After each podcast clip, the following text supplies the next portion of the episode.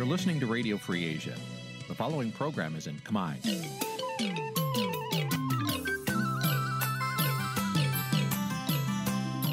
Nǐ chi càm bi tiệp xáy vệt chiu a zì sê ray នេះជាកម្មវិធីផ្សាយរបស់ Vithu Azisari ជាភាសាខ្មែរ វត្តឈូអាស៊ីសេរីសូមស្វាគមន៍លោកអ្នកនាងទាំងអស់ពីរដ្ឋធានី Washington នៃសហរដ្ឋអាមេរិក សាយផ្ទាល់ពីរដ្ឋធានី Washington នាងខ្ញុំសកជីវីសូមជម្រាបសួរលោកអ្នកនាងកញ្ញាដែលកំពុងតាមដានការផ្សាយរបស់ Vithu Azisari ទាំងអស់ជាទីមេត្រីយើងខ្ញុំសូមជូនកម្មវិធីផ្សាយសម្រាប់យប់ថ្ងៃអាទិត្យ2រោចខែស្រាបឆ្នាំខាលចត្វាស័កពុទ្ធសករាជ2566ចាប់ត្រូវនៅថ្ងៃទី14ខែសីហាគ្រិស្តសករាជ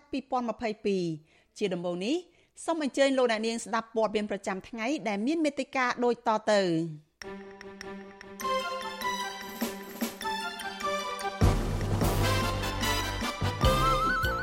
ញ្ញាធមមិនទាន់វេកមុខរកឃើញក្រុមជនដៃដល់រួតវាយសកម្មជនគណៈបកប្រឆាំងអ្នកវិភាគថាទស្សនកិច្ចរបស់លោកទាបាញ់ទៅប្រទេសចិនអាចឲ្យចិនចំណេញក្នុងការប្រើមូលដ្ឋានទ័ពជើងទឹករៀម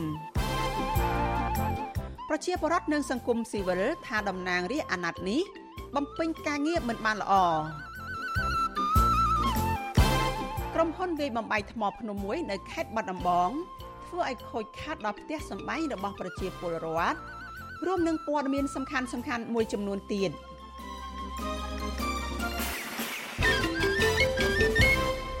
ចាជាបន្តទៅទៀតនេះនាងខ្ញុំសកជីវីសូមជូនព័ត៌មានទាំងនេះពិស្ដាចលនានាងជាទីមេត្រីសកម្មជនគណៈបកភ្លើងទៀននៅរាជធានីភ្នំពេញលោកនុលពងធីរិតដែលត្រូវជន់មិនស្គាល់មុខមួយក្រុមព្រួតវាយ បណ្ដាលឲ្យរងរបួសធ្ងន់កាលពីខែកក្កដាកន្លងទៅថ្លែងថាលោកនៅមិនទាន់ទទួលបានយុត្តិធម៌នៅឡើយទេ ដោយសារតែសមត្ថកិច្ចមិនបានអើពើ តាមចាប់ជនល្មើសមកអនុវត្តច្បាប់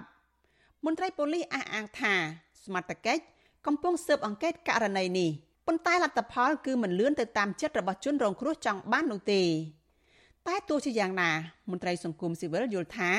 ការឆ្លើយតបដដែលៗរបស់អាជ្ញាធរមានសមត្ថកិច្ច គ្រាន់តែជាលេសដោះសារហើយទង្វើបែបនេះធ្វើឲ្យពលរដ្ឋអស់ជំនឿចំពោះការអនុវត្តច្បាប់របស់អាជ្ញាធរចាលោកមានរិទ្ធរាយការណ៍អំពីរឿងនេះសកម្មជនគណបកភ្លើងទៀនម្នាក់នៅខណ្ឌពោធិ៍សែនជ័យរាជធានីភ្នំពេញដែលត្រូវជន់មិនស្គាល់មុខព្រួតវាយទាំងកណ្ដាលថ្ងៃកន្លងមកទាមទាររោគយុទ្ធធរពីអាជ្ញាធរពាក់ព័ន្ធ សកម្មជនរូបនោះយល់ថាភាពយឺតយ៉ាវនិងការរក្សាភាពស្ងប់ស្ងាត់នៃសំណុំរឿងនេះពីមួយថ្ងៃទៅមួយថ្ងៃនឹងធ្វើឲ្យគាត់ទទួលរងនៅអំពើអយុត្តិធម៌មិនខុសពីសកម្មជននយោបាយបពប្រឆាំងផ្សេងទៀតនោះទេជនរងគ្រោះលោកនុលពងធរិត ប្រាវិសុយស៊ីស្រីនៅថ្ងៃទី14ខែសីហាថាសំណុំរឿងរបស់លោកចាប់តាំងពីថ្ងៃកើតហេតុមកសមត្ថកិច្ចនៅមិនទាន់បានជូនដំណឹងអំពីលទ្ធផលនៃការស៊ើបអង្កេតឲ្យបានជឿនលឿនណាមួយដើម្បីរកក្រុមជនដៃដល់នោះទេ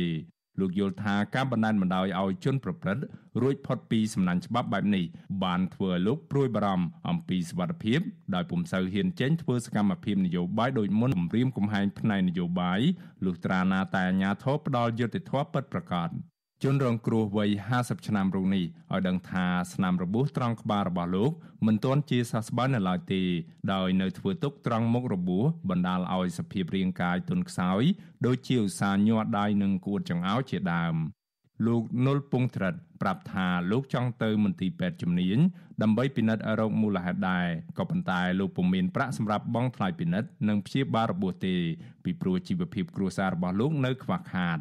ទោះយ៉ាងណាលោកនៅតែទទូចដល់សមត្ថកិច្ចឲ្យជួយពន្លឿនស្វែងរកយុត្តិធម៌ដល់រូបលោកឲ្យបានឆាប់រហ័សខ្ញុំមកដល់នេះម៉ោងនេះបងអត់តតបានដើរចេញទៅក្រៅលហេតុរហូតឆ្វេងឆ្វាយអីទាំងអស់គឺខ្ញុំនៅតែផ្ទះព្រោះថា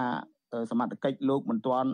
រកឃាតករឬក៏ជនដៃដល់ដែលប្រព្រឹត្តមកលើខ្ញុំឃើញអញ្ចឹងខ្ញុំមិនអាចដើរចេញធ្វើកិច្ចការងារអ្វីអ្វីតាក់ទងនឹងគណៈបកភ្លើងទៀនខ្ញុំបានទេគឺខ្ញុំនៅតែផ្ទះដូចជាមនុស្សដែលជាប់នៅពន្ធនាគារអញ្ចឹងដែរ លោកនុលពងធរិតគឺជាអនុប្រធានក្រុមការងារគណៈបកភ្លើងទៀនខណ្ឌពោធិ៍សែនជ័យរាជធានីភ្នំពេញកាលពីថ្ងៃទី17ខែកក្កដាសកម្មជននយោបាយរូបនេះត្រូវបានជន់មិនស្គាល់មុខមួយក្រុមព្រួតគ្នាវាយលោកជាលើកទី2បណ្ដាលឲ្យរងរបួសបែកក្បាលធ្ងន់ធ្ងររូបភាពពីវីដេអូកាមេរ៉ាសវត្ថិភាពបង្ហាញថាជនល្មើសមានគ្នាជិត10នាក់ជិះម៉ូតូប្រមាណពី4ទៅ5គ្រឿងពាក់មួកសុវត្ថិភាពនិងប្រដាប់ដោយដៃរលាស់ បានព្រួតគ្នាវាយលោកនៅភូមិព្រៃជីស័កសង្កាត់ចំចៅទី3ខណ្ឌពោធិ៍សែនជ័យក្នុងពេលដែលលោកធ្វើដំណើរទៅចូលរួមកិច្ចប្រជុំគណៈបកសាខាខណ្ឌវីដេអូនោះបង្ហាញថាក្រុមជនល្មើសមួយចំនួនពាក់ឯកសន្តានឈុតខ្មៅដូចគ្នាហើយហាក់ដូចជាមានការបណ្ដុះបណ្ដាលជំនាញនិងផែនការច្បាស់លាស់ក្នុងការធ្វើសកម្មភាពវាយប្រហារដោយមានអ្នកដប់អ្នកចាំវាយនិងអ្នកចាំបញ្ចប់ជាដើម ឆ្លើយតបនឹងរឿងនេះអ្នកនាំពាក្យស្នងការដ្ឋាននគរបាលរាជធានីភ្នំពេញលោកសានសុកសីហាប្រាវិសុយស៊ីស្រីថាប៉ូលីសកំពុងស្រាវជ្រាវករណីហិង្សានេះដោយខាងលោកត្រូវការពេលវេលាបន្ថែមទៀតលោកបន្តថាសមាជិកមិនអាចស្រាវជ្រាវលឿនដោយតាមការចង់បានរបស់ជនរងគ្រោះនោះឡើយ លោកសានសុកសីហាថាបើសិនជាសមាជិកនៅមិនទាន់វាតម្លៃអំពីលទ្ធផលនៃការស្រាវជ្រាវចុងក្រោយនោះទេដូច្នេះលោកថាមហាជនមិនត្រូវចាត់ទុកករណីហិង្សាកន្លងមក ជាប់តាក់ទងនឹងរឿងនយោបាយនោះទេជាមិនមានការយឺតយ៉ាវដូចខ្ញុំបានបញ្ជាក់អញ្ចឹងព្រៀបព្រៀបយើងទទួលពីបណ្ឌិតគឺធ្វើការស្រាវជ្រាវប៉ុន្តែគ្រាន់ថាស្រាវជ្រាវគឺត្រូវការរយៈពេលបណ្ដានេះគឺត្រូវការទីចងលើតាក់ទងករណីជាក់ស្ដែងព្រោះដូចខ្ញុំបានបញ្ជាក់អញ្ចឹងករណីខ្លះក៏លឿនករណីខ្លះក៏វាត្រូវការពេលវេលាមួយដែរមិនមែនចេះតែយើងដាក់មកករណីគ្រប់ករណី100ករណីយើងអាចបានទាំងអស់ទេទោះជាយ៉ាងណាជនរងគ្រោះដែលភ ieck ច្រើនជាសកម្មជនគណបកនយោបាយនៅតែអះអាងថាជាច្រើនឆ្នាំមកនេះ គ្មានករណីណាមួយត្រូវបានអាជ្ញាធរបង្ហាញលទ្ធផលនៃការស៊ើបអង្កេតឬភ័ស្តុតាងនិងចាប់ជនដៃដល់យកមកដាក់ទោសទណ្ឌតាមផ្លូវច្បាប់ដើម្បីផ្ដល់ទំនុកចិត្តនិងទប់ស្កាត់អំពើហិង្សាផ្នែកនយោបាយនោះទេជុំវិញរឿងនេះប្រធានសមាគមការពារសិទ្ធិមនុស្សអាត6លោកនីសុខាមានប្រសាសន៍ថាករណីហិង្សាលើលោកនុលពងធិរិតដែលមានវីដេអូឃ្លីបបង្ហាញពីសកម្មភាពជនប្រព្រឹត្តហិង្សាកន្លងមក អាញាធមមិនគួរយឺតយ៉ាវក្នុងការវែកមុខនិងនាំខ្លួនជនដៃដល់មកផ្ដន់ទាទោសតាមផ្លូវច្បាប់បែបនេះទេលោកសង្កេតឃើញថាអង្គើហឹង្សាលើសកម្មជនបពប្រឆាំងដែលមាននៅនៃការផ្ទុយពីរដ្ឋាភិបាលអាញាធរហាក់អសមត្ថភាពនៅក្នុងការស្វែងរកយុត្តិធម៌ជូនពួកគេហើយបញ្ហានេះសមាជិកជាមិនផុតពីរងនឹងការរិះគន់ពីសំណាក់មហាជនដែលសង្ស័យតាក់ទងនឹងរឿងនយោបាយនោះឡើយ ដូច្នេះលោកនីសុខាយល់ថាអាញាធរគួរតែបង្ហាញលទ្ធផលនៃការស៊ើបអង្កេតឲ្យបានពិតប្រាកដដើម្បីរកយុត្តិធម៌ជូនជនរងគ្រោះឲ្យបានឆាប់ និងបំបត្តិវប្បធម៌នីតិរដ្ឋភាពនៅកម្ពុជា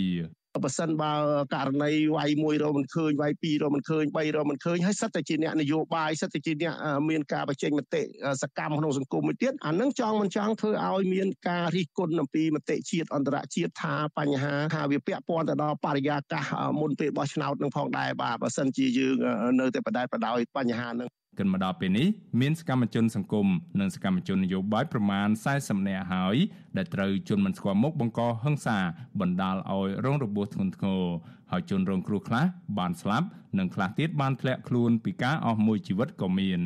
ករណីទាំងនោះភ្នាក់ច្រើនមានលក្ខណៈប្រហាក់ប្រហែលគ្នាគឺជនដៃដល់ជិះម៉ូតូពាក់មួកសុវត្ថិភាព ព្រួតគ្នាវាប្រហារឬលួចវាប្រហារជនរងគ្រោះពីក្រោយខ្នងឬដេញធាក់ផ្ដួលម៉ូតូឬគប់ដុំថ្មចូលក្នុងផ្ទះហើយភ ieck ច្រើនបំផុតអាជ្ញាធរមិនបានចាប់ខ្លួនជនដៃដល់យកមកផ្ដន្ទាទោសតាមផ្លូវច្បាប់នោះទេជនរងគ្រោះខ្លះមិនត្រឹមតែមិនទទួលបានយុត្តិធម៌នោះទេ តែថែមទាំងត្រូវបានជនល្មើសលួចវាយប្រហារផ្ទួនផ្ទួនគ្នាពីជា3លើក ហើយអ្នកខ្លះទៀតថែមទាំងត្រូវបានអាជ្ញាធររបស់លោកហ៊ុនសែន ចាប់ឃុំខ្លួនដាក់ក្នុងពន្ធនាគារទៀតផងខ្ញុំបានមេរិត Visual C ស្រីរាយការណ៍ពីរដ្ឋធានី Washington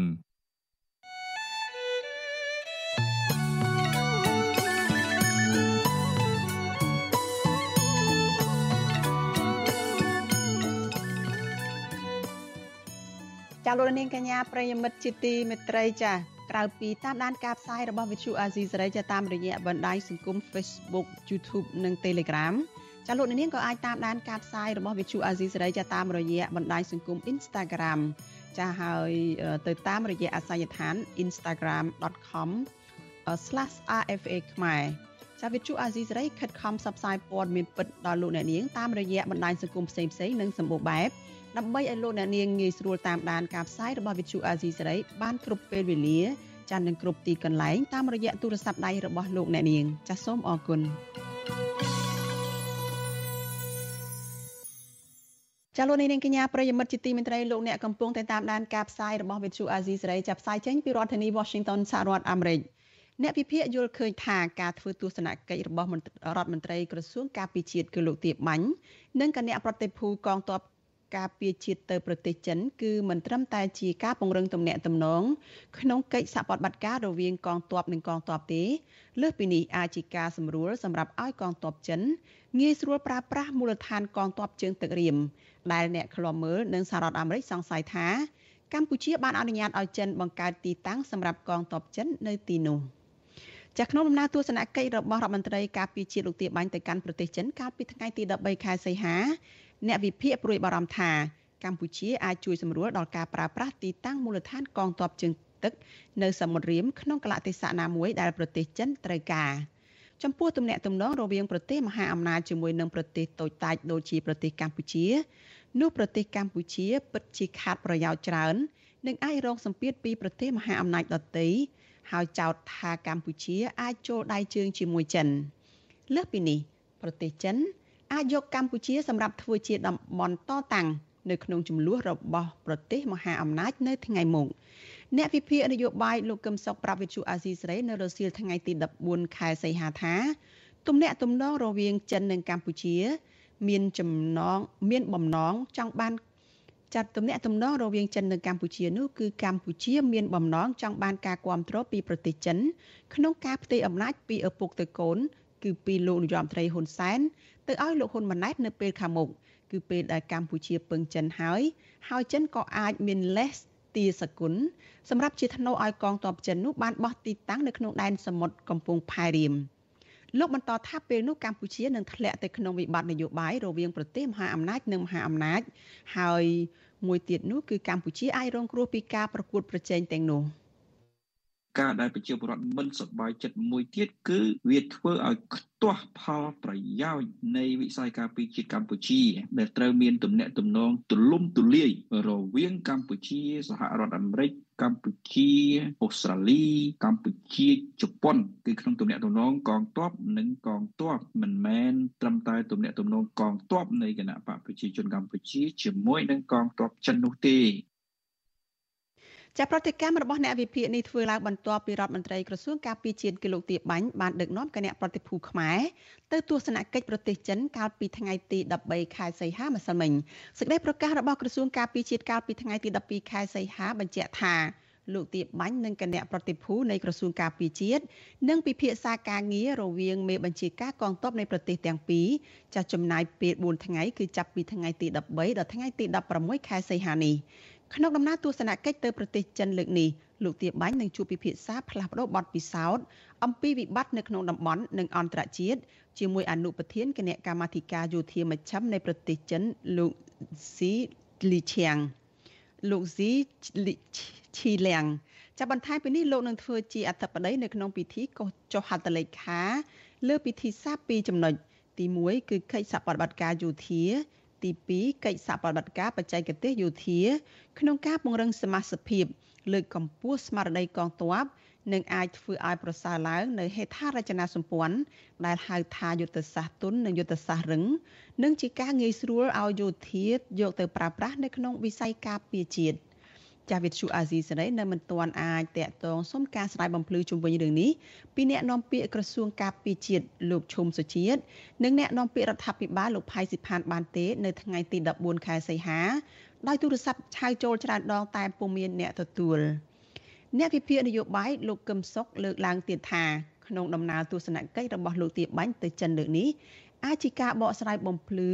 សុំកុំឲ្យចិនយល់ច្រឡំពីករណីដែលលោកហ៊ុនម៉ាណែតមានទំនាក់ទំនងការទូតរវាងកងទ័ពជាមួយនឹងវៀតណាមហើយមួយវិញទៀតគឺជាការរឹតចំណងឲ្យកាន់តែស៊ីជម្រៅដើម្បីឲ្យប្រទេសចិនអាចការពារអំណាចរបស់គណៈបកប្រជាជនកម្ពុជា ក្នុងការក្រាញអំណាចនិងមិនឲ្យគណៈបកប្រឆាំងណាមួយអាចផ្ដួលរំលំគណៈបកប្រជាជនកម្ពុជាបានឡើយ។ មិនដឹងថាលោកហ៊ុនម៉ាណែតសន្យាបែបណាជ្រៅបណ្ណាជាមួយយួនហើយលោកហ៊ុនសែនក៏សន្យាបែបណាជ្រៅបណ្ណាជាមួយចិនដែរអញ្ចឹងហើយលោកហ៊ុនសែននិងលោកហ៊ុនម៉ាណែតនឹងคล้ายទៅជាគុណអុកទៅហើយរបស់យួននិងចិនពេលដែលលោកហ៊ុនសែននិងលោកហ៊ុនម៉ាណែតคล้ายទៅជាគុណអុកយួននឹងចិនទៅហើយដូច្នេះលោកហ៊ុនសែននិងលោកហ៊ុនម៉ាណែតដែលកំពុងដឹកនាំកម្ពុជានាំឲ្យកម្ពុជាคล้ายទៅជាកូនអុករបស់យួននិងចិន ចារដ្ឋាភិបាលលោកហ៊ុនសែនរងការចោទប្រកាន់ថាបានលួចចុះកិច្ចព្រមព្រៀងសម្ងាត់ជាមួយនឹងប្រទេសកុម្មុយនីចិនដើម្បីអនុញ្ញាតឲ្យកងទ័ពចិនបោះទីតាំងឈរជើងនៅលើទឹកដីខ្មែរសារព័ត៌មានល្បីឈ្មោះរបស់សហរដ្ឋអាមេរិកគឺ The Wall Street Journal បានរាយការណ៍កាលពីខែកក្កដាក្នុងឆ្នាំ2019ថាកិច្ចព្រមព្រៀងសម្ងាត់នោះអនុញ្ញាតឲ្យកងទ័ពចិនគ្រប់គ្រងកំពង់ផែកងទ័ពជើងទឹករៀមផ្ដាច់មុខរហូតដល់ទៅ30ឆ្នាំហើយកិច្ចព្រមព្រៀងនេះ អាចបន្តនៅរៀងរាល់10ឆ្នាំម្ដងអ្វីត្បិតតែរដ្ឋាភិបាលកម្ពុជានិងចិន បានចេញមុខបដិសេធរឿងនេះក្តីប៉ុន្តែភាគីទាំងពីរពុំដែលបានបង្ហាញភ័ស្តុតាងនិងព័ត៌មានដែលអាចគួរឲ្យជឿទុកចិត្តបាននោះឡើយលើសពីនេះទៀតមូលដ្ឋានតបជើងទឹករៀមតែត្រូវគេសង្ស័យថាមានវត្តមានរបស់កងទ័ពចិនជាច្រើនឆ្នាំមកហើយនោះបានប្រែប្រួលខ្លាំងនៅក្នុងរយៈពេលប្រមាណខែចុងក្រោយនេះ សំណង់ថ្មីថ្មីមួយចំនួនរួមទាំងហេដ្ឋារចនាសម្ព័ន្ធដទៃទៀតបានលេចចេញជារូបរាងឡើងគណៈមន្ត្រីកម្ពុជាវាយកំទេចអាគារដែលជាជំនួយរបស់អាមេរិកដោយគ្មានជូនដំណឹងទុកជាមុនព្រមទាំងមានសកម្មភាពបូមខ្សាច់ស្ដារជំរឿទឹកសមុទ្រនៅមូលដ្ឋានកងទ័ពជើងទឹករៀមជាដើមក្រុមអ្នកខ្លំមើលលើកឡើងថាបើទោះបីជាមានការបកស្រាយត្រឹមតែការលើកឡើងជាសាធារណៈពីសំណាក់លោកហ៊ុនសែននិងមន្ត្រីរបស់លោកក៏ដោយ ក៏មិនអាចលាងជម្រះមន្ទិលសង្ស័យពីសហរដ្ឋអាមេរិកបានដែរ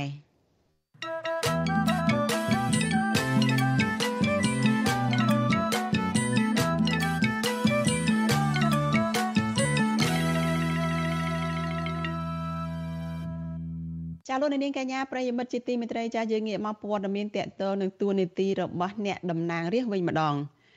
ចាស់គិតមកដល់ថ្ងៃនេះការបំពេញតួនាទីរបស់អ្នកតំណាងរាស្ត្រឯកបៈនៅក្នុងអាណត្តិទី6នេះគឺជិតដល់ទីបញ្ចប់ហើយប៉ុន្តែពលរដ្ឋនិងសង្គមស៊ីវិលលើកឡើងថាតំណាងរាស្ត្រអាណត្តិនេះធ្វើការផ្ដោតសំខាន់ទៅលើការពង្រឹងអំណាចរបស់ថ្នាក់ដឹកនាំរដ្ឋាភិបាលនិងគណៈបកកាន់អំណាចហើយមិនបានជួយដោះស្រាយបញ្ហារបស់ប្រជាពលរដ្ឋឡើយទោះយ៉ាងណាអ្នកនាំពាក្យរដ្ឋសភាឆ្លើយតបថាតំណាងរាស្ត្របច្ចុប្បន្ននេះបានបំពេញការងារប្រកបដោយផ្លែផ្កានៅក្នុងការអនុវត្តច្បាប់ជាច្រើន ដែលផ្ដល់ផលប្រយោជន៍ដល់ប្រទេសជាតិចាលោកជីវតា មានសេចក្តីរាយការណ៍អំពីរឿងនេះប្រជាពលរដ្ឋសកម្មជនបរិស្ថាន និងអ្នកឃ្លាំមើលការបោះឆ្នោតសុទ្ធតែវាយតម្លៃទាបលើការបំពេញការងាររបស់សមាជិករដ្ឋសភាពួកគេថាតំណាងរាស្ត្រគួរតែធ្វើការឲ្យសកម្មជាងពេលបច្ចុប្បន្ននិងគិតគូរពីប្រយោជន៍រាស្ត្រឲ្យបានខ្ពស់ជាងប្រយោជន៍បកបើមិនដូច្នោះទេមិនគួរមានងារថាជាតំណាងរាស្ត្រនោះទេ ពលរដ្ឋរងគ្រោះបញ្ហាដីធ្លីលោកស្រីប្រាក់សុភាប្រាប់វិទ្យុអាស៊ីសេរីថាលោកស្រីសូមវាយតម្លៃទាបចំពោះការបំពេញការងាររបស់តំណាងរាស្ត្រនៅក្នុងអាណត្តិនេះលោកស្រីប្រាក់សុភាថាកន្លងមកបើទោះបីជាប្រជាពលរដ្ឋរងគ្រោះពីការរំលោភដីធ្លីពីអ្នកមានអំណាចនិងឈ្មួញធំធំជាច្រើន បានធ្វើការតវ៉ាសុំអន្តរាគមពីតំណាងរាស្ត្រក្តីក៏ពួកគាត់ទាំងនោះមិនដែលអើពើជួយដោះស្រាយឡើយ។ លោកស្រីបន្ថែមថាតំណាងរាស្ត្រទាំងនោះធ្វើការយកតែប្រាក់ខែរាស្ត្រតែមិនដែលខ្វាយខ្វល់ពីសុខទុក្ខរបស់ប្រជាពលរដ្ឋឡើយព្រោះមិនថាសហគមន៍ខ្ញុំរងគ្រោះមិនថាគូផ្សេងផ្សេងដែលខ្ញុំមើលឃើញទៅគឺអត់មានតំណាងរាជណាគាត់ចេញអន្តរាគមន៍គឺគាត់យកតែប្រាក់ខែពីពលរដ្ឋហើយគឺគាត់អត់ផងហ្មង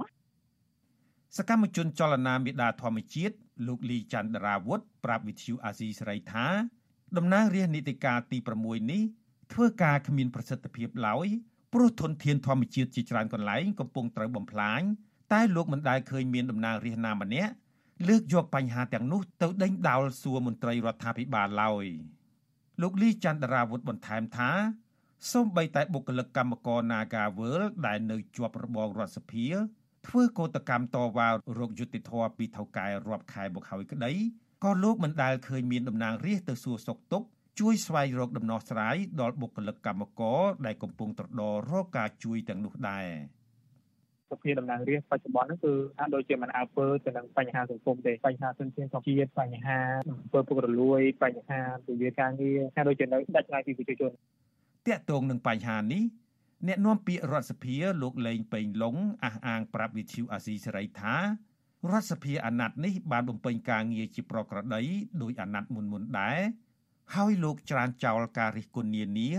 ថាជាការលំអៀងអគតិទៅលើតំណាងរាស្ត្របកកាន់អំណាចលោកបន្ថែមថារដ្ឋសភាអាណត្តិនេះបានអនុម័តច្បាប់ជាច្រើន ដើម្បីធានាដល់ស្ថិរភាពនយោបាយនិងសន្តិភាពរបស់ប្រទេសជាតិច្បាប់ទាំងអស់ដែលសភាអនុម័តក្នុងនីតិកាលនេះគឺសិតតែបំរើដល់ផលប្រយោជន៍ជាទូទៅរបស់ប្រជាពលរដ្ឋជុំវិញរឿងនេះ នាយកប្រតិបត្តិអង្គការឃ្លាំមើលការបោះឆ្នោតនៅកម្ពុជា ហៅកាត់ថា Netflix លោកសំគុណធីមីយល់ឃើញថាតំណាងរាស្ត្រនៅក្នុងអាណត្តិនេះបានចោះស្វែងយល់ពីបញ្ហានៅថ្នាក់មូលដ្ឋានតិចតួចបំផុត ហើយបើទោះបីជាប្រជាពលរដ្ឋរងគ្រោះពីស្លាកអភិវឌ្ឍបានដាក់ញត្តិសុំអន្តរាគមន៍ពីរដ្ឋសភាក្តីក៏តំណាងរាស្ត្រមិនដែលបានជួយដោះស្រាយបញ្ហាដល់ប្រជាពលរដ្ឋទាំងនោះឡើយលោកសំគុណធីមីយល់ឃើញថា ច្បាប់ជាច្រើនដែលបានអនុម័តដោយរដ្ឋសភាឯកបៈក្នុងអាណត្តិនេះគឺមានលក្ខណៈនយោបាយជាងការគិតគូរពីសុខទុក្ខរបស់ប្រជាពលរដ្ឋវិសោធនកម្មអីសពបែបយ៉ាងហ្នឹងយើងមានពាក់ព័ន្ធទៅរឿងនយោបាយច្រើនជាងរឿងសង្គមនៅអបកម្មណាយក៏បានទទួលផលប្រយោជន៍ច្រើនជាងប្រជាពលរដ្ឋនិងអង្គការសង្គមស៊ីវិលតែងលើកឡើងថាតំណាងរាស្ត្រឯកបៈដែលកើតចេញពីការបោះឆ្នោតដោយមិនយុត្តិធម៌កាលពីឆ្នាំ2018 ធ្វើការដោយមិនមានប្រសិទ្ធភាពឡើយព្រោះកន្លងមកកម្រឃើញមានតំណាងរាស្ត្រហៅមន្ត្រីរដ្ឋាភិបាលមកសួរដេញដោលតាក់ទងនឹងចំណុចខ្វះខាត ឬកំហុសឆ្គងការងាររបស់រដ្ឋាភិបាលឡើយជាមួយគ្នានេះអង្គការសង្គមស៊ីវិលជាតិអន្តរជាតិនិងអ្នកសង្កេតការយល់ឃើញថាតំណាងរាស្ត្រនីតិកាលទី6នេះបានធ្វើវិសោធនកម្មរដ្ឋធម្មនុញ្ញនិងអនុម័តច្បាប់ផ្សេងផ្សេងដោយមិនមានការសិក្សាស្រាវជ្រាវឲ្យបានច្បាស់លាស់ ឬទទួលយកមតិពីពលរដ្ឋនិងសង្គមស៊ីវិលឡើយហើយច្បាប់មួយចំនួនមានលក្ខណៈអំណោយផលដល់ការពង្រឹងអំណាចរបស់អ្នកដឹកនាំបច្ចុប្បន្នទៀតផងខ្ញុំជីវិតាអាស៊ីសេរីចាលោកនាងកញ្ញាជាទីមេត្រីចាសេចក្តីរាយការណ៍មួយដាច់ដោយឡែកទៀតចាប្រជាពលរដ្ឋត្អូញត្អែថាក្រុមហ៊ុនធ្វើអាជីវកម្មភ្នំថ្មមួយកន្លែងនៅឯស្រុកបាណន់ខេត្តបាត់ដំបង បានបំផ្ទុះភ្នំបណ្ដាលឲ្យញ័ររញ្ជួយដល់ផ្ទះសម្បែងរបស់ប្រជាពលរដ្ឋធ្វើឲ្យប្រេះខូចសង្គមស៊ីវិលយល់ឃើញថាអាជ្ញាធរត្រូវដោះស្រាយបញ្ហានេះជាបន្ទាន់ដោយចាត់វិធានការទៅលើក្រុមហ៊ុនដែលទទួលខុសត្រូវទៅលើផ្ទះរបស់ប្រជាពលរដ្ឋរងផលប៉ះពាល់ទាំងនោះប្រជាពលរដ្ឋប្រាប់ថាក្រុមហ៊ុនបំផ្ទុះបំបែកភ្នំថ្មថ្មភ្នំ បានធ្វើឲ្យញ័ររញ្ជួយខ្លាំងធ្វើឲ្យផ្ទះថ្មរបស់ប្រជាពលរដ្ឋនៅតំបន់នោះប្រេះស្រាំបែកកញ្ចក់ និងមានសម្លេងរំខានបង្កផលប៉ះពាល់ដល់ការរស់នៅរបស់ពួកគាត់ពលរដ្ឋម្នាក់រស់នៅក្នុងភូមិតាក្រៀមឃុំតាក្រៀមលោកស្រីណប់ណេតប្រាប់វិទ្យុអាស៊ីសេរីនៅថ្ងៃទី14ខែសីហាថាផ្ទះរបស់លោកស្រីនៅក្បែរកន្លែងធ្វើអាជីវកម្មថ្មភ្នំ ហើយនៅពេលដែលវាយកំទេចផ្ទាំងថ្មភ្នំម្ដង គឺមានផេះកំទេចថ្មហូរមកហុយដីមកនឹងធ្វើឲ្យញ័ររង្គើដល់ផ្ទះរបស់លោកស្រី លោកស្រីបន្តថាឡានដឹកថ្មបើកលឿនលឿនហើយក៏ហុយកំទេចថ្មធ្វើឲ្យប៉ះពាល់ដល់ការរស់នៅប្រចាំថ្ងៃរបស់ប្រជាពលរដ្ឋនៅក្នុងតំបន់នោះដែរលោកស្រីបញ្ជាក់ថាពលរដ្ឋនៅក្នុងភូមិតែងរងតែងតែរាយការណ៍ទៅអាជ្ញាធរភូមិឃុំប៉ុន្តែហាក់គ្មានដំណោះស្រាយឡើយព្រោះយូរឆ្នាំមកហើយគ្មានចំណាត់ការទៅលើក្រុមហ៊ុនអាជីវកម្មថ្មភ្នំទាំងនោះទេលោកស្រីបន្ថែមថា ពលប្រជាពលរដ្ឋដែលរងផលប៉ះពាល់ប្រមាណ700គ្រួសារនៅក្នុងតំបន់នោះគឺមានប្រជាពលរដ្ឋរស់នៅប្រមាណ300គ្រួសារ កន្លែងគេម៉ាស៊ីនកាន់ថ្មហ្នឹងពេលដែលគេទុះថ្មហ្នឹងវាដូចថាញ័រដីទៅវាវាជួយដីទៅវាតផ្ទះថ្មអញ្ចឹងវាមានប្រេះផ្ទះថ្មមែនហ្នឹងឯងចាឲ្យតែផ្ទះថ្មប្រេះទាំងអស់ហ្នឹងហើយម្យ៉ាងទៀតវាប៉ះពាល់អាហ្នឹងផងម្យ៉ាងទៀតវាប៉ះពាល់ដូចថាខែប្រាំងអីទៅវាហុយកតិចថ្មមកឲ្យដែរអញ្ចឹងណាចាប់ពលរដ្ឋម្នាក់ទៀតរស់នៅក្នុងភូមិប៉ោយស្វាយឃុំតាក្រៀម លោកសសុខុមប្រាប់ថាផ្ទះរបស់លោកនៅមួយចំហៀងភ្នំពីកន្លែងដែលក្រុមហ៊ុនវាយកំទេចថ្មភ្នំលោកបន្តថានៅពេលដែលក្រុមហ៊ុនធ្វើការបំទុះថ្មម្ដងម្ដងគឺផ្ទះរបស់លោកក៏ញ័ររញ្ជួយ ហើយបណ្ដាលឲ្យប្រេះស្រាំជញ្ជាំងគ្រប់កន្លែង និងធ្លាក់កញ្ចក់ផ្ទះបែកខូចខាតលោកសសុខុមថាអ្នកភូមិតែងតែលើកឡើងអំពីបញ្ហានេះនៅក្នុងវេទិកាសាធារណៈក៏ប៉ុន្តែអាជ្ញាធរនៅតែមិនទាន់មានចំណាត់ការជូនប្រជាពលរដ្ឋនៅឡើយទេ លោកបន្ថែមថាកន្លងមកមានអភិបាលស្រុកចុះទៅធ្វើផ្លូវនៅកន្លែងនោះដែរប៉ុន្តែធ្វើចាស់ចាស់ដោយសារតែកន្លែងណាដែលមានដោយសារតែពួកគេជ្រើសរើសយកតែកន្លែងណាដែលមានផ្ទះប្រជាប្រដ្ឋប៉ុណ្ណោះហើយនៅពេលដែលមានរដូវភ្លៀងធ្លាក់ម្ដងម្ដងគឺដីតែងតែជាប់តាមកង់ឡាននោះបង្កើតជាធូលីហុយចូលផ្ទះរបស់អ្នកភូមិព រឿងបំទុកថ្មធ្វើឲ្យមានភាពរំញ័រដល់ផ្ទះអ្នកនៅពីភូមិហ្នឹងគឺមានពិតប៉ុន្តែការបំទុះហ្នឹងវាអត់មានទៀងពេលថាគេត្រូវបំទុះស្មើណាផ្ទុះទៅព្រោះវានៅមកខាងភ្នំម្នាក់ភូមិនៅខាងកើតភ្នំឯការដ្ឋានថ្មហ្នឹងគឺនៅខាងលិចអញ្ចឹងវាផ្ទុះមកធ្វើឲ្យរំញ័រមកទាំងជាទូទៅឲ្យតែ ចាក់បេតុងខាងក្រោមឬក៏ចាក់បេតុងទាំងអស់គឺប្រេះសឹងគ្រប់ផ្ទះផលប៉ះពាល់មួយទៀតមិនមែនប៉ះពាល់លើការបំពុះនោះទេលើរថយន្តបើកមកហុយដីប៉ះពាល់អ្នកស្រុកចាតតងនឹងបញ្ហានេះវិទ្យុអាស៊ីសេរីនៅមិនទាន់អាចតតងអភិបាលខេត្តបាត់ដំបងលោកសុកលូដើម្បីសូមអត្ថាធិប្បាយជុំវិញរឿងនេះបានទេនៅថ្ងៃទី14ខែសីហាប៉ុន្តែមេឃុំតាក្រៀមគឺលោកនៃពៅលើកឡើងថា ករណីនេះប្រជាពលរដ្ឋបានលើកឡើងនៅក្នុងវេទិកាសាធារណៈរួចហើយហើយរដ្ឋបាលខេត្តក៏បានណាត់ជាមួយនឹងប្រជាពលរដ្ឋដើម្បីជួបគ្នាចូលសាកសួរអំពីបញ្ហានេះប៉ុន្តែគ្មានពលរដ្ឋចូលរួមនោះឡើយលោកនៃពៅបន្តថាភូមិនិងឃុំបានធ្វើរបាយការណ៍ទៅជូនរដ្ឋបាលខេត្តរួចហើយប៉ុន្តែនៅមិនទាន់ឃើញមានការបញ្ជាក់នៅឡើយអំពីផលប៉ះពាល់នៃការបំផ្ទុះថ្មភ្នំលើជីវភាពរស់នៅរបស់ប្រជាពលរដ្ឋនេះទេ ជាបរដ្ឋនឹងខែគេបានហៅទៅគាត់អត់ទៅទៀតគាត់ដឹងតែពេលលើកឡើងដល់ពេលគេចង់ដឹងពីបញ្ហាបន្ទុកអីហ្នឹងគេឲ្យអញ្ជើញទៅទៅក៏អត់បានទៅអញ្ចឹងតែមួយរុញមួយមួយរុញមួយអឺមន្ទីររ៉ែវាពាក់ព័ន្ធនឹងកាយតែបន្ទុកនៅលើខាងបន្ទុកហ្នឹងខែខាងបន្ទុកខាងអីហ្នឹងក៏តែយើងចង់និយាយថាខែហៅប្រជាបរដ្ឋទៅដើម្បីបំភ្លឺពីកិច្ចការងារហ្នឹងថាវាប៉ះពាល់មិនគាត់លើកឡើងយើងបានធ្វើរបាយការណ៍ជូនទៅហើយខាងឃុំណាតែក្នុងនាមនៃគេលើកឡើងហ្នឹងវាត្រឹមត្រូវហើយការបន្ទុកនោះហើយយើងបានជម្រាបជូនទៅខាងក្រុមហ៊ុនដែរដែរតែគេចង់ច្បាស់ជាងនឹងទៅទៀតទៅតែមានប្រជាពលរដ្ឋដើម្បីបង្ហាញបន្ថែមចាជុំវិញរឿងនេះនាយកទទួលបន្ទុកកិច្ចការទូតនៃអង្គការលីកាដូគឺលោកអំសំអាតយល់ឃើញថាការព្រួយបារម្ភនឹងផលប៉ះពាល់ពឹកពិតជាកើតឡើងទៅលើប្រជាពលរដ្ឋប្រកបណែន ព្រោះកន្លែងវាយកំទេចថ្មតែងតែប្រើឧបករណ៍បំផ្ទុះនិងឧបករណ៍វាយកំទេចថ្មដែលធ្វើឲ្យមានកម្លាំងញ័ររញ្ជួយហើយកំទេចថ្មនិងមានសម្លេងរំខានទៅដល់ប្រជាពលរដ្ឋលោកបន្តថាអាជ្ញាធរមូលដ្ឋានត្រូវចុះស្រាវជ្រាវនិងអង្កេតមើលពីផលប៉ះពាល់ថាតើមានផលប៉ះពាល់និងខូចខាតដល់ប្រជាពលរដ្ឋនៅក្នុងរូបភាពបែបណាខ្លះ។ លោកអំសម្បត្តិបន្ថែមថាក្នុងករណីអាញាធរឃើញអំពីអាជីវកម្មធ្វើថ្មភ្នំដែលធ្វើឲ្យខូចខាតដល់ផ្ទះសម្បែងពលរដ្ឋក្រុមហ៊ុនត្រូវតែសងប្រជាពលរដ្ឋហើយរដ្ឋអាចផ្អាកឬក៏ផាកឬក៏ដកអាជ្ញាប័ណ្ណពីអាជីវកម្មនោះវិញបើមានផលប៉ះពាល់ទៅលើប្រជាពលរដ្ឋចេសនកម្មកើតឡើងសម្រាប់ប្រជាពលរដ្ឋដែលចេញអំពីការប្រកបអាជីវកម្មរបស់ក្រុមហ៊ុន ការវាយថ្ម ការកំទេចថ្ម គឺប្រើប្រាស់នៅរូបភាពកំទេចដោយមានដាក់ទាំងម៉ាស៊ីនបំបែកថ្មផងវាប៉ះពាល់ទៅដល់ប្រជាពលរដ្ឋដែលរស់នៅជិតខាងទី1គឺរំជួយដែលធ្វើឲ្យអាចប៉ះពាល់ទៅដល់ផ្ទះអាចប្រេះអាចស្រាមឬក៏បែកកញ្ចក់អីជាដើមហើយមានការលឺសំឡេងឬក៏ផ្ទុះអីជាដើមអានោះវាសិតតែជាផលប៉ះពាល់សម្រាប់ការរស់នៅរបស់ប្រជាពលរដ្ឋ ជាធម្មតាយើងទទួលស្គាល់តែប្រទេសណាដោយប្រទេសណាតែតែមានការអភិវឌ្ឍប៉ុន្តែការអភិវឌ្ឍសូមធ្វើយ៉ាងណាក៏ប្រកបដោយតម្លាភាពនិងយុត្តិធម៌ហើយបើសិនជាមានផលប៉ះពាល់សម្រាប់ជាពលរដ្ឋធ្ងន់ធ្ងររដ្ឋគួរតែពិចារណាឡើងវិញទៅលើបញ្ហាទាំងអស់ហ្នឹងណា ចាកន្លងមកប្រជាពលរដ្ឋប្រមាណជាង500គ្រួសាររស់នៅក្នុងភូមិចំនួន4នៅក្នុងឃុំតាក្រៀមស្រុកបាណន់ខេត្តបាត់ដំបងលើកគ្នាទៅបិទផ្លូវក្រោយពីអាជ្ញាធរនៅតែបណ្ដោយឲ្យក្រុមហ៊ុនធ្វើអាជីវកម្មថ្មភ្នំហើយធ្វើឲ្យប៉ះពាល់ជីវភាពរស់នៅប្រចាំថ្ងៃរបស់គាត់និងបានបំផ្លាញធនធានភ្នំប្រវត្តិសាស្ត្រដែលជានិមិត្តរូបអត្តសញ្ញាណរបស់ភូមិកំណើតពួកគេ ប្រជាពលរដ្ឋឲ្យដឹងថាក្រុមហ៊ុនដែលឈរជើងធ្វើអាជីវកម្មជាង10ឆ្នាំមកនេះបច្ចុប្បន្នកំពុងពង្រីកឥទ្ធិពលបន្ថែមទៀតដោយពង្រាយកងសន្តិសុខនៅក្នុងចំណុចភូមិតាក្រៀមនិងតំបន់ការដ្ឋានកិនថ្មយ៉ាងតឹងរឹង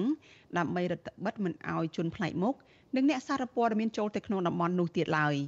អ្នកភូមិអះអាងទៀតថាក្រុមហ៊ុនទាំងនោះរួមមានក្រុមហ៊ុន Heng Chat Constructions ក្រុមហ៊ុន Lemeng Group ក្រុមហ៊ុនតាំងថៃឡុងក្រុមក្រុមហ៊ុន Thilong និងក្រុមហ៊ុនអ្នកមានអំណាចមួយចំនួនទៀតដែលអ្នកភូមិមិនស្គាល់ឈ្មោះដែលគេហៅថាថៅកែលីក្រមប្រជាពលរដ្ឋនៅសង្គមស៊ីវិលយល់ឃើញថាអាញាធិបតេយ្យពាន់ត្រូវតែដោះស្រាយហើយចុះស្រាវជ្រាវនិងត្រួតពិនិត្យពីផលប៉ះពាល់ទៅដល់ប្រជាពលរដ្ឋស្វះស្វែងរកមធ្យោបាយដោះស្រាយជៀសវាងគ្មានដំណោះស្រាយដូចកន្លងមកនេះ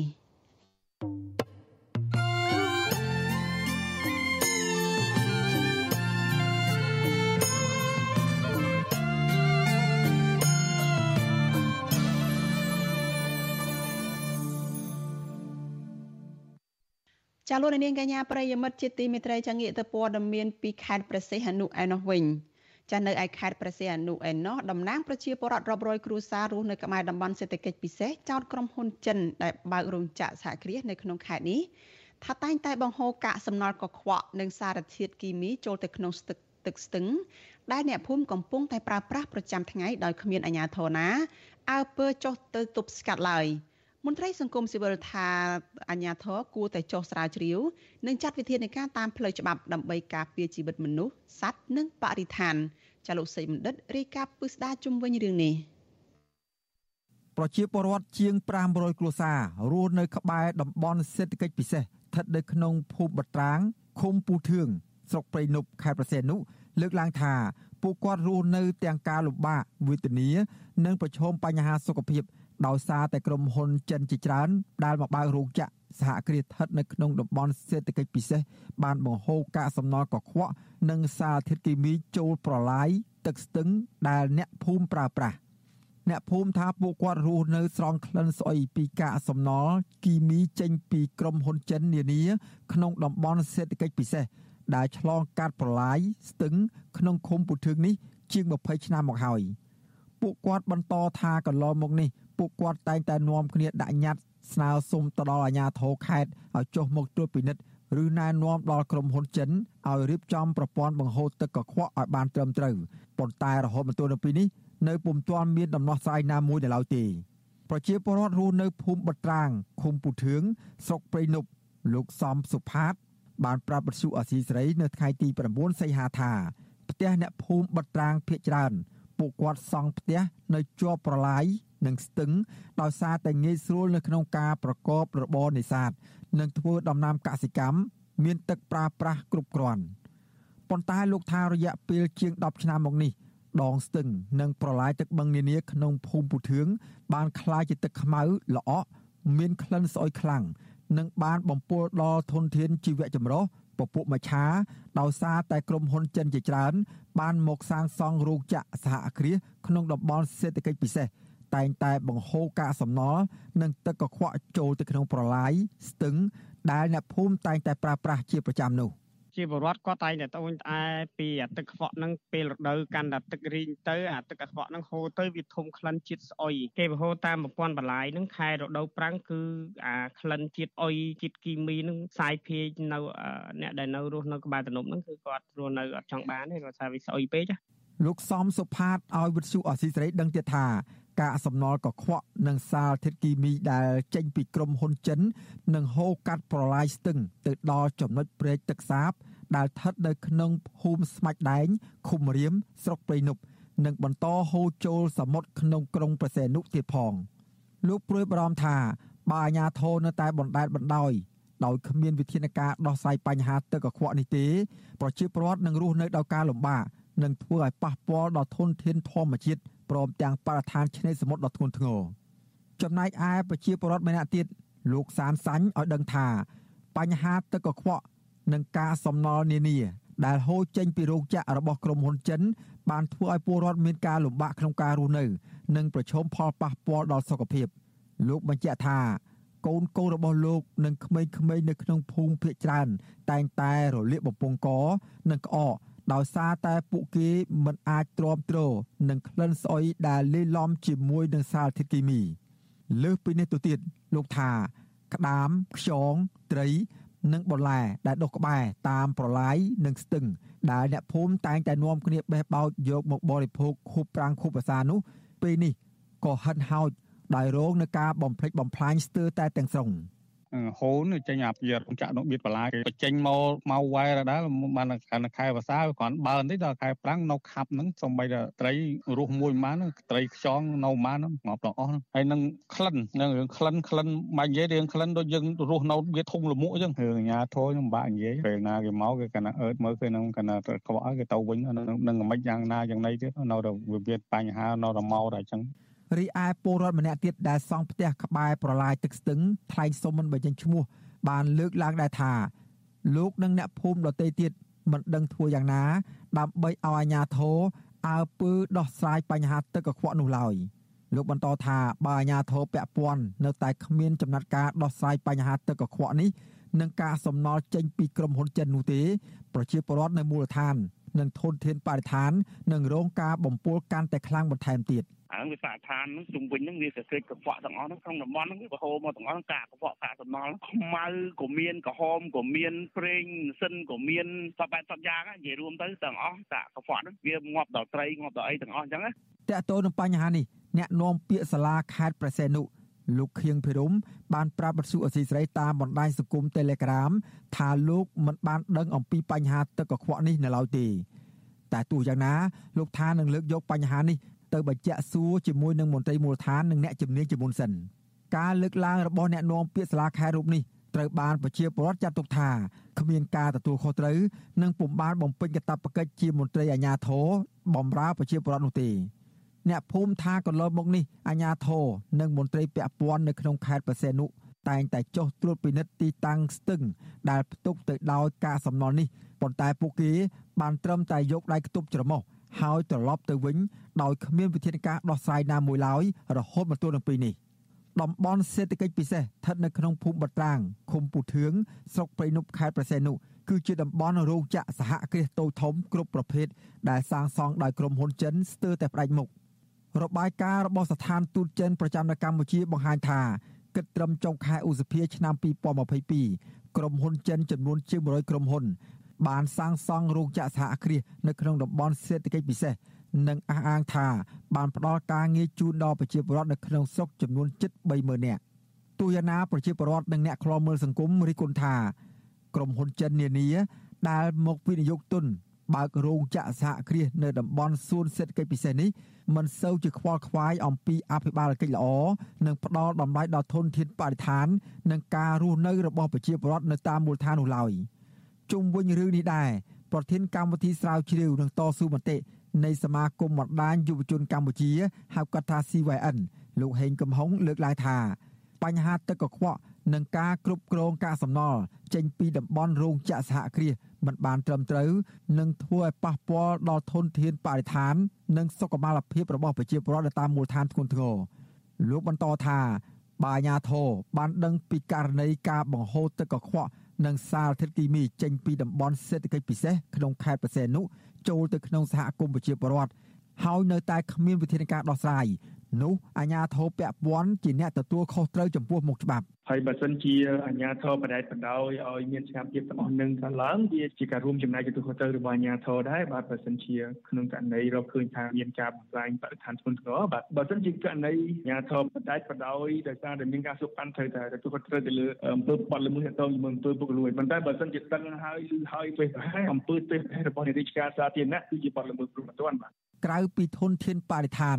និងប្រជាពលរដ្ឋនៅក្នុងតំបន់ភូមិពុធឿងបានរងផលប៉ះពាល់ពីការបង្ហូរទឹកកខ្វក់ចូលទៅក្នុងស្ទឹង បឹងនិងព្រែកនេះក្រុមហ៊ុន និងបនលបែងកាស៊ីណូចិនមួយចំនួនក៏មិនបានគ្រប់គ្រងកាកសំណល់និងសារធាតុគីមីឲ្យបានត្រឹមត្រូវនោះដែរដូចជាកន្លងទៅ កាស៊ីណូចិនដ៏ធំមួយឈ្មោះសាន់សាញបេនៅខេត្តប្រសេនុដែលមានការបង្ហូរទឹកកខ្វក់និងការសំណល់គីមីចូលទៅក្នុងសមុទ្រដែលធ្វើឲ្យប៉ះពាល់ដល់បរិស្ថានតំបន់ឆ្នេរធ្ងន់ធ្ងរ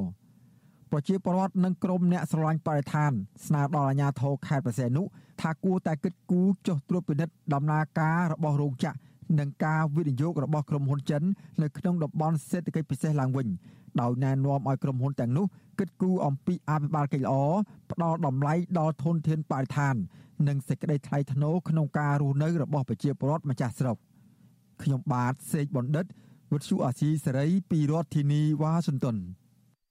ចាលោកនាងកញ្ញាប្រិយមិត្តជាទីមេត្រីចាព័ត៌មានតកតនឹងខេត្តប្រសេះហនុនេះដែរចាក្រោយពីចាក់ចេញរបស់អ្នកវិនិយោគចិនព្រោះតែការបិទលបែងអនឡាញនិងវិបត្តិជំងឺ Covid-19 រយៈពេលជាង2ឆ្នាំមកនេះចាបានបន្សល់ទុកនៅសំណង់អាគារតូចធំដែលមិនទាន់សាងសង់រួចឬហៅថាអាគារខ្មោចជាច្រើនកន្លែង នៅរាយប៉ាយនៅក្នុងខេត្តប្រសេះហនុនេះអាគារខ្មោចទាំងនោះមិនត្រឹមតែបណ្ដាលឲ្យខូចខាតសោភ័ណភាពទីក្រុងប៉ុណ្ណោះទេ គឺថែមទាំងធ្វើឲ្យសេដ្ឋកិច្ចធ្លាក់ចុះនិងបាត់ភ្ញៀវទេសចរកាន់តែច្រើនថែមទៀតចាសសូមអញ្ជើញលោកនាងទស្សនាសេចក្តីរាយការណ៍នេះដូចតទៅខេត្តប្រសេះហនុដែលធ្លាប់តែតាក់ទាញភ្ញៀវជាតិនិងអន្តរជាតិជាហូរហែពេលនេះប្រែក្លាយជាមានសភាពស្ងប់ស្ងាត់បាត់មនុស្សអ៊ូអរទីតាំងជាច្រើនបានប្រែក្លាយជាបនលបែងតំបន់ជួញដូរគ្រឿងញៀន និងទីតាំងឆបោកអនឡាញស្របពេលដែលទីតាំងជាច្រើនទៀតបានបន្សល់នៅអាគារសាំងមិនទាន់រួចសំណង់អាគារមិនទាន់សាងសង់រួចហើយត្រូវគេបោះបង់ចោលឬអាគារខ្មោចទាំងនោះបង្កើនក្តីកង្វល់កាន់តែខ្លាំងក្នុងចំណោមប្រជាពលរដ្ឋដែលកំពុងបាត់បង់ប្រាក់ចំណូលអ្នកលក់ដូរគ្រឿងទេសឬអីវ៉ាន់ចាប់ហួយនៅក្បែរបនលបែងរបស់ជនជាតិចិនមួយកន្លែងក្នុងក្រុងព្រះសីហនុលោកមានសំណាងថាកាលពី2ឆ្នាំមុនលោកធ្លាប់លក់ដាច់ហូហែ ឲ្យបុគ្គលិកកាស៊ីណូជាជនជាតិខ្មែរព្រោះពេលនោះមានសភាពអ៊ូអរហើយទំនិញក៏លក់បានថ្លៃលោកថាបញ្ហាវិបត្តិជំងឺ Covid-19 និងសំណង់អាគារធំធំមិនទាន់សង់រួចបន្សល់ទុកដល់ជនជាតិចិនកំពុងធ្វើឲ្យភ្ញៀវទេសចរធ្លាក់ចុះលោកសង្ឃឹមថាអាជ្ញាធរពាក់ព័ន្ធនឹងចាប់ផ្ដើមស្ដារសំណង់អាគារទាំងនោះឡើងវិញនិងបើកឲ្យមានលំហូរវិនិយោគរបស់ជនបរទេសឲ្យបានច្រើនដោយកាលពីឆ្នាំ2019និងឆ្នាំ2020 លើសពីនេះលោកសង្កេតឃើញថាអាគារខ្មោចមួយចំនួនបានคล้ายជាកន្លែងក្មេងទំនើងប្រើប្រាស់គ្រឿងញៀនដែលបង្កការភ័យខ្លាចដល់ពលរដ្ឋនៅក្បែរនោះនឹងបើសិនជាគាត់មានវិធានការពន្លឿនសំណង់ធំធំនឹងបានធ្វើហើយរួចរាល់ច្រើនហ្នឹងវាល្អសម្រាប់ជាពលរដ្ឋការរលុយអីវាស្រួលអញ្ចឹងហ៎បង បាទបាទអភិបាលរងខេត្តប្រសិទ្ធនុលោកឡុងឌីម៉ងឆ្លើយតបថាអាជ្ញាធរកំពុងប្រឹងប្រែងរកដំណោះស្រាយបណ្ដាបណ្ដាដោយសង្ឃឹមថាអាចនឹងមានអ្នកវិនិយោគបរទេសនិងជនជាតិចិនត្រឡប់មកវិញនៅពេលឆាប់ឆាប់លោកមិនបដិសេធនោះទេថាបើស្ថានភាពអាគារទាំងនោះបន្តនៅត្រឹងនឹងប៉ះពាល់ធ្ងន់ធ្ងរដល់ផែនការនានានៅក្នុងវិស័យសេដ្ឋកិច្ចយើងមិនទាន់បានពិភាក្សាបានទាំងអស់ទេថ្ងៃមុននោះគឺយើងបានជំរុញលើកទឹកចិត្តឲ្យ សភាប្រជាកម្មខេត្តហ្នឹងគាត់បានរៀបចំជាវេទិកានៃការពិគ្រោះយោបល់មួយក្នុងក្នុងវិស័យឯកជនរបស់គាត់ហ្នឹងដើម្បីគាត់ពិភាក្សាគ្នាអឺរវាងម្ចាស់ដីក៏ដូចជាអឺភាគីអ្នកវិនិយោគបរទេសដែលគេបដាក់ទុនធ្វើការសាងសង់អញ្ចឹងណាហើយក្នុងនឹងដែរក៏មានការចូលរួមពីអ្នកដែលមានជំនាញអ្នកដែលមានជំនាញក្នុងការដោះស្រាយបញ្ហាជាប់គាំងផ្នែកវិស័យអចលនទ្រព្យនេះ ការពីពេលដែលជាប់គាំងនៅក្នុងប្រទេសមួយចំនួនកាលនោះកាលពីវិបត្តិសេដ្ឋកិច្ចសកលឆ្នាំ2008មកយូរហើយអភិបាលរងរូបនេះបន្ថែមថាគិតចាប់តាំងពីឆ្នាំ2017រហូតដល់ខែវិច្ឆិកាឆ្នាំ2021ក្នុងខេត្តប្រសិទ្ធនុមានការវិនិយោគសាងសង់សំណង់គ្រប់ប្រភេទសរុបជាង1600គម្រោងក្នុងទំហំទឹកប្រាក់ជាង8000លានដុល្លារ ក្នុងនោះសំណង់អាគារខ្ពស់ខ្ពស់ចាប់ពី5ជាន់រហូតដល់53ជាន់មានជាង600គម្រោងភាគច្រើន គឺជាវិនិយោគរបស់ចិន ក្នុងនោះដែរមានសំណង់អាគារចំនួនជាង1100គម្រោងមិនទាន់សាងសង់រួចតាក់ទងនឹងរឿងនេះមន្ត្រីសមាគមអាត60ប្រចាំខេត្តប្រសិទ្ធនុអ្នកស្រីជាបសុធារីសង្កេតឃើញថាមកដល់ខែសីហានេះមានការជួសជុលនិងកែលម្អអាគារទាំងនោះតិចតួចប៉ុណ្ណោះ អ្នកស្រីបន្តថាម្ចាស់ដីកំពុងជួបការលំបាកហើយពួកគេអាចនឹងសម្រេចចិត្តមិនបន្តសហការជាមួយអាជ្ញាធរប្រសិនបើបញ្ហានេះមិនអាចដោះស្រាយបានឆាប់ឆាប់អ្នកស្រីថាផ្ទះជួលជាច្រើននៅក្នុងក្រុងប្រសិទ្ធនុដែលធ្លាប់តែជួលនៅក្នុងតម្លៃរាប់ពាន់ដុល្លារបែរជាធ្លាក់ថ្លៃមកសល់ត្រឹមតែ200ទៅ300ដុល្លារនៅក្នុងមួយខែជាមួយគ្នានេះមានអាគារជាច្រើនពុំមានអ្នកជួលដោយសារតែសេដ្ឋកិច្ចធ្លាក់ចុះខ្លាំង ឥឡូវយើងអត់ទាន់ឃើញមានការអីវាយអាគារអីរុះរើអីច្រើនទេហាក់ដូចជាមិនទាន់ទៅឃើញឡើយព្រោះឥឡូវយើងដឹងស្រាប់ហើយបញ្ហាសេដ្ឋកិច្ចវាធ្លាក់ចុះគ្រប់ទឹកគ្នាហ្នឹងមិនថាអ្នកមានអ្នកពាន់ទេក្មួយទីទាំងអស់ហើយទូទៅអ្នកណាដែលមិនទៅពាក់អំណុលធនាគារតែធនាគារចេះតែរឹតចេះតែទាអញ្ចឹងទៅមិនដែលសំខាន់ថាលទ្ធភាពនៃការរកសងហើយយើងទៅរកអីបានដូចពីមុនទីផ្សារអីនៅក្នុងខេត្តផ្សេងក៏ស្ងប់ស្ងាត់ដែរ អ្នកជំនួញបរទេសពិសេសជនជាតិចិនបាននាំគ្នាចាក់ចេញពីក្រុងប្រសិទ្ធហនុបណ្ដាបណ្ដាកាលពីចុងឆ្នាំ2019ក្រោយពេលរដ្ឋាភិបាលប្រកាសបិទការផ្ដល់អាជ្ញាប័ណ្ណដល់ក្រុមហ៊ុនប្រកបអាជីវកម្មលបែងភ្នាល់តាមអនឡាញបន្ទាប់មកទៀតបញ្ហាវិបត្តិជំងឺ Covid-19 ក៏ធ្វើឲ្យអ្នកវិនិយោគបន្តចាក់ចេញបន្ថែមទៀតធ្វើឲ្យរាល់ការងារសាងសង់គម្រោងវិនិយោគទាំងនោះបានជាប់គាំងជីវភាពរបស់ពលរដ្ឋដែលរស់នៅពឹងអាស្រ័យលើការវិនិយោគទាំងនោះ រងផលប៉ះពាល់ចំណែកអ្នកជួលដីឲ្យក្រុមហ៊ុនក៏បាត់ចំណូលព្រមទាំងប្រឈមនឹងការរឹបអូសដីពីធនាគារជាម្ចាស់បំណុល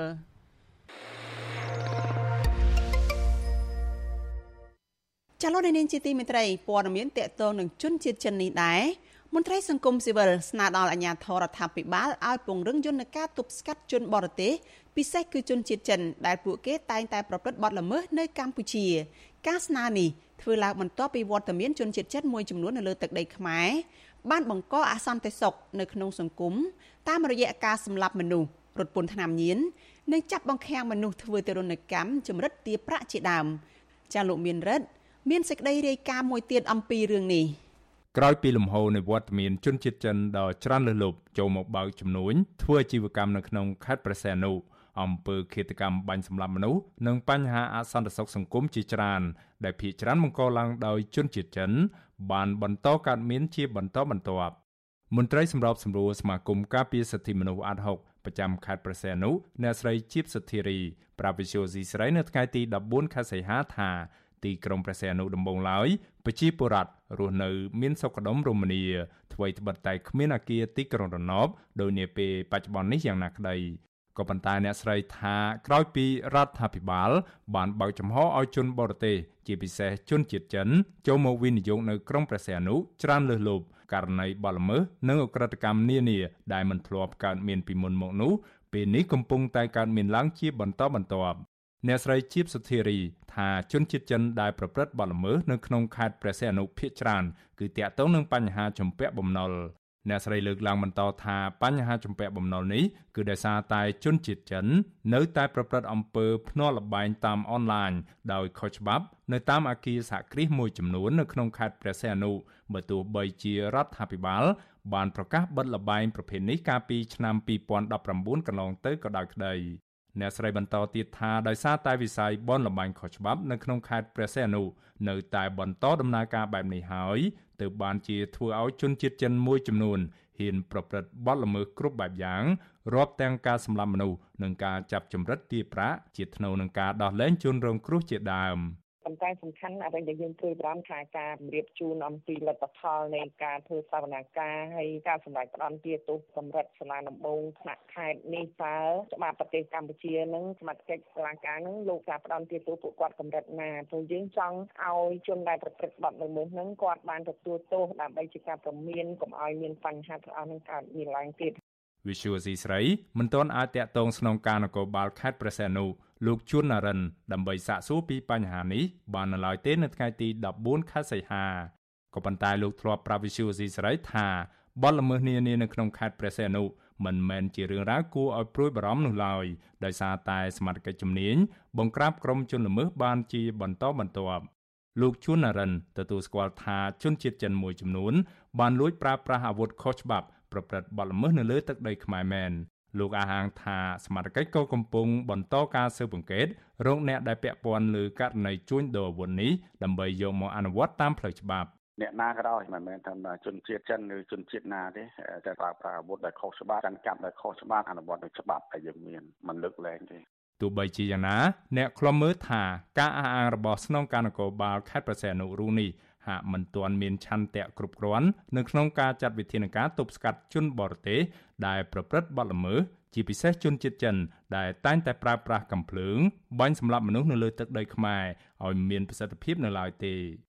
កាលពីយប់ថ្ងៃទី15ខែមិថុនាក្រុមអ ுக ្រិតជនជនជាតិចិននិងជនជាតិវៀតណាមមានគ្នាប្រមាណ10នាក់បានទាស់ពាក្យសម្ដីជាមួយអ្នករត់ម៉ូតូកង់3ម្នាក់ ដែលជាជនជាតិខ្មែរហើយបានដកកំភ្លើងបាញ់ភ្ជុងអ្នករត់ម៉ូតូកង់3រូបនោះដែលស្ថិតនៅក្នុងខេត្តព្រះសីហនុភ្លាមភ្លាមក្រោយពីកើតហេតុក្រុមអ ுக ្រិតជនទាំងនោះបានដកកំភ្លើងបាញ់រះមកលើក្រុមសមត្ថកិច្ចបណ្ដាលឲ្យសមត្ថកិច្ចម្នាក់រងរបួសធ្ងន់ទៀតផងដោយឡែកកាលពីយប់ថ្ងៃទី30ខែកក្កដាជនជាតិចិនមួយក្រុមមានគ្នាប្រមាណជាង10នាក់បានឆ្លោះទាស់តែងគ្នារឿងអាជីវកម្មរបស់ពួកគេបណ្ដាលឲ្យខ្មាន់កំភ្លើងជនជាតិចិនម្នាក់ ដកកំភ្លើងបាញ់សម្លាប់ជនជាតិចិនដូចគ្នាអំពើឃាតកម្មនេះបណ្ដាលឲ្យជនជាតិចិន2នាក់បានស្លាប់ភ្លាមៗនៅក្នុងទ្រុកឈាម និងជនជាតិចិនម្នាក់ទៀតបានរងរបួសធ្ងន់ស្ថិតនៅទីតាំងអគារបនលបែងឈ្មោះ Casino Tongfang Paliran ស្ថិតនៅក្នុងខេត្តព្រះសីហនុ ក្រោយពីរំលងបានប្រមាណថ្ងៃក្រោយករណីអំពើឃាតកម្មនេះគឺឈានចូលដល់យប់រំលងអាត្រាតចូលដល់ថ្ងៃទី9ខែសីហា ស្រាប់តែមានជនជាតិចិនមួយក្រុមទៀតមានគ្នា5នាក់បានដកកំភ្លើងបាញ់ជនជាតិចិនដូចគ្នា2នាក់បណ្ដាលឲ្យជនជាតិចិនម្នាក់ស្លាប់ភ្លាមៗនៅក្នុងរថយន្តនិងម្នាក់ទៀតរងរបួសធ្ងន់ភ្លាមៗនោះសមាជិកខេត្តព្រះសីហនុក៏បានដេញតាមក្រុមខ្មាំងកំភ្លើងជាជនជាតិចិនទាំង3នាក់នោះរហូតដល់តំបន់ស្រុកព្រៃនប់ ហើយពួកគេក៏បានដកកំភ្លើងបាញ់តដៃជាមួយសមាជិកនៅក្នុងពេលកំពុងបើកឡាន ដែលធ្វើឲ្យក្រុមខ្មាំងកំភ្លើងទាំងនោះត្រូវគ្របកំភ្លើងរបស់សមាជិករួចបើកឡានបុកបង្គោលភ្លើងស្លាប់ទាំង3នាក់ មន្ត្រីសម្របសម្រួលសមាគមការពារសិទ្ធិមនុស្សអាត6ប្រចាំខេត្តព្រះសីហនុអ្នកស្រីជីបសុធារី បន្ថែមថាប្រសិនបើបទល្មើសនៅតែបន្តកើតមានឡើងកាន់តែច្រើន ជាពិសេសជនជាតិចិន មានកំភ្លើងបាញ់សម្លាប់មនុស្សដោយសពថ្ងៃនេះនោះហេតុការណ៍នេះនឹងបង្កឲ្យប៉ះពាល់ដល់សង្គមធ្ងន់ធ្ងរហើយគំរាមកំហែងដល់ប្រជាពលរដ្ឋកាន់តែខ្លាំង អ្នកស្រីបន្តស្នើដល់អាជ្ញាធរឲ្យពង្រឹងយន្តការគ្រប់គ្រងជនជាតិចិនហើយត្រូវអនុវត្តច្បាប់ឲ្យបានតឹងរឹងទៅលើជនបរទេសណាដែលតែងតែបង្កអសន្តិសុខដល់សង្គមកម្ពុជាអ្នកស្រីទទូចដល់អាជ្ញាធរឲ្យស៊ើបអង្កេតប្រកបដោយតម្លាភាពនិងយុត្តិធម៌ដើម្បីវែកមុខរកប្រភពនៃមេខ្លោងពិតប្រាកដដែលបានលក់អាវុធទៅឲ្យជនជាតិចិនទាំងនោះសម្រាប់ប្រព្រឹត្តអំពើឃាតកម្មនៅលើទឹកដីកម្ពុជាខ្ញុំបានមេរិត Visual C ស្រី រាយការណ៍ពីរដ្ឋធានី Washington ចាលោកនាងកញ្ញាប្រិយមិត្តជាទីមេត្រីចាងាកមកព័ត៌មានតកតងនឹងតំបន់ភ្នំតាម៉ៅវិញម្ដងចាមន្ត្រីសង្គមស៊ីវិលនិងពលរដ្ឋលើកឡើងថារដ្ឋមន្ត្រីក្រសួងកសិកម្មគួរតែលាលែងចេញពីតំណែងដោយខ្លួនឯងព្រោះគាត់បានធ្វើឲ្យមានវិនិស្សកម្មប្រៃឈើនៅតំបន់ភ្នំតាម៉ៅមន្ត្រីសង្គមស៊ីវិលលើកឡើងថារដ្ឋាភិបាលគួរតែពិចារណាវាយតម្លៃប្រសិទ្ធភាពការងាររបស់រដ្ឋមន្ត្រីក្រសួងកសិកម្មហើយបើរកឃើញថារដ្ឋមន្ត្រីរូបនេះ ពិតជាបានប្រព្រឹត្តកំហុសតាក់ទងនឹងបញ្ហាស្នើសុំដោះដូរព្រៃនៅតំបន់ភ្នំតាម៉ៅនោះពិតប្រាកដមែនរដ្ឋាភិបាលត្រូវដូររដ្ឋមន្ត្រីក្រសួងកសិកម្មនេះចេញចាអ្នកស្រីម៉ៅសុធានីរាយការណ៍អំពីរឿងនេះការដោះដូរដីដែលនាំទៅរកការឈូសបំផ្លាញព្រៃឈើរាប់រយហិកតានៅតំបន់ភ្នំតាម៉ៅនោះ គឺជាកំហុសឆ្គងដ៏ធំមួយរបស់រដ្ឋាភិបាលជាពិសេសគឺក្រសួងកសិកម្មអ្នកជំនាញខាងកសិកម្មលោកនេះណាក់ថ្លែងថារដ្ឋមន្ត្រីក្រសួងកសិកម្មលោកបេងសុខុនគួរមានភាពខ្មាស់អៀនហើយលីលែងចេញពីតំណែងដល់ខ្លួនឯងចំពោះកំហុសឆ្គងរបស់ខ្លួនដែលបណ្ដាលឲ្យមានវិនិស្សកម្មប្រៃឈើនៅឯតំបន់ភ្នំតាម៉ៅកាលពីពេលថ្មីថ្មីនេះ មិនតែប៉ុណ្ណោះលោកនីណាក់បន្ថែមថាការបំពេញតួនាទីក្នុងនាមជារដ្ឋមន្ត្រីក្រសួងកសិកម្មរបស់លោកវេងសខុនកន្លងមកក៏មិនបានធ្វើឲ្យវិស័យកសិកម្មរីកចម្រើនឡើយពីព្រោះប្រជាកសិករភាគច្រើនមិនអាចលក់កសិផលរបស់ខ្លួនដើម្បីផ្គត់ផ្គង់ជីវភាពគ្រួសារបានឡើយលោកថាប្រជាប្រដ្ឋរាប់លានអ្នកបានធ្វើចំណាក់ស្រុក ទៅធ្វើការនៅប្រទេសជិតខាងដើម្បីរកចំណូលផ្គត់ផ្គង់ជីវភាពក្នុងគ្រួសារនិងដោះបំណុលធនាគារដែលពួកគាត់បានខាត់បង់ពីការធ្វើកសិកម្ម រយៈពេល2អាណត្តិមកនេះក្នុងវិស័យកសិកម្មហ្នឹងគឺបញ្ហាកើតឡើងមិនចំពោះតែរឿងព្រៃភ្នំតាម៉ៅហ្នឹងទេយើងឃើញករណីការទន្ទ្រានព្រៃលិចទឹកនៅតំបន់បឹងទលេសាបហ្នឹងក៏ជារឿងធំដែរប៉ុន្តែរដ្ឋមន្ត្រីកសិកម្មពុំមានការខ្មាស់អៀនអ្វីឡើយគាត់ចាត់ទុកថារឿងហ្នឹងជារឿងធម្មតាអញ្ចឹងខ្ញុំបាទសូមសំណូមពរបើគាត់ធ្វើការមិនកើតគាត់គួរណាស់តែលាលែងឬក៏ផ្លាស់ប្ដូរតំណែងពីអ្នកណាម្នាក់ទៀតដែលមានសមត្ថភាពហ្នឹងឲ្យមកជួយការងារហ្នឹងជំនួសគាត់ ដូចគ្នានេះដែរយុវតីមួយរូបកញ្ញាហុកកំលៀងក៏បានប្រាប់បច្ចុប្បន្នស៊ីស្រីថាកញ្ញាសោកស្ដាយនៅពេលដែលឃើញប្រៃឈើធំធំ នៅតំបន់ភ្នំតាម៉ៅត្រូវបានគេកាប់បំផ្លាញនិងឈូសឆាយកញ្ញាបន្តថាបើទោះបីជាមានការដាំដើមឈើឡើងវិញក្តីក៏វានឹងត្រូវការពេលរាប់សិបឆ្នាំទៀតទើបអាចមានប្រៃឈើដូចដើម យុវតីរូបនេះបន្ថែមថារដ្ឋមន្ត្រីក្រសួងកសិកម្មគួរតែលាលែងចេញពីតំណែងដើម្បីទុកឲ្យមន្ត្រីមានសមត្ថភាព មកបំពេញការងារជំនួសវិញទៅជាការល្អគាត់គួរតែលាលែងចេញពីតំណែងទៅហើយផ្ដល់ទូនាទីនេះឲ្យទៅ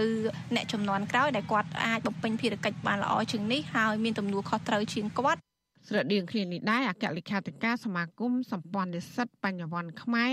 លោកថនសក្តាយល់ឃើញថារដ្ឋាភិបាលគូវាតម្លៃទៅលើប្រសិទ្ធភាពការងាររបស់រដ្ឋមន្ត្រីក្រសួងកសិកម្មលោកវេងសុខុនឡើងវិញព្រោះក្នុងរយៈពេល5ឆ្នាំចុងក្រោយនេះវិនិស្សកម្មប្រៃឈើជាច្រើនកន្លែងនៅតែបន្តកើតមានហើយប្រទេសកម្ពុជាក៏នៅតែត្រូវការនាំចូលបន្លែនិងសាច់ពីប្រទេសក្រៅមកផ្គត់ផ្គង់តម្រូវការក្នុងស្រុក ខណៈដែលប្រទេសកម្ពុជាមានលក្ខណៈអំណោយផលជាច្រើនដល់វិស័យកសិកម្មបើសិនបើមានការវាស់វែងមួយត្រឹមត្រូវពីផលិតភាពការងាររបស់គាត់มัน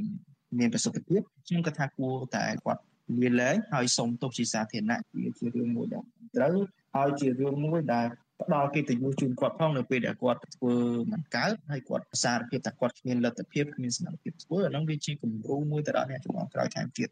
វជ្ជស៊ីស្រីមិនអាចតតងរដ្ឋមន្ត្រីក្រសួងកសិកម្មលោកវេងសុខុនដើម្បីឆ្លើយតបទៅនឹងការលើកឡើងរបស់ប្រជាពលរដ្ឋនិងមន្ត្រីសង្គមស៊ីវិលទាំងនេះបានទេ នៅថ្ងៃទី13ខែសីហា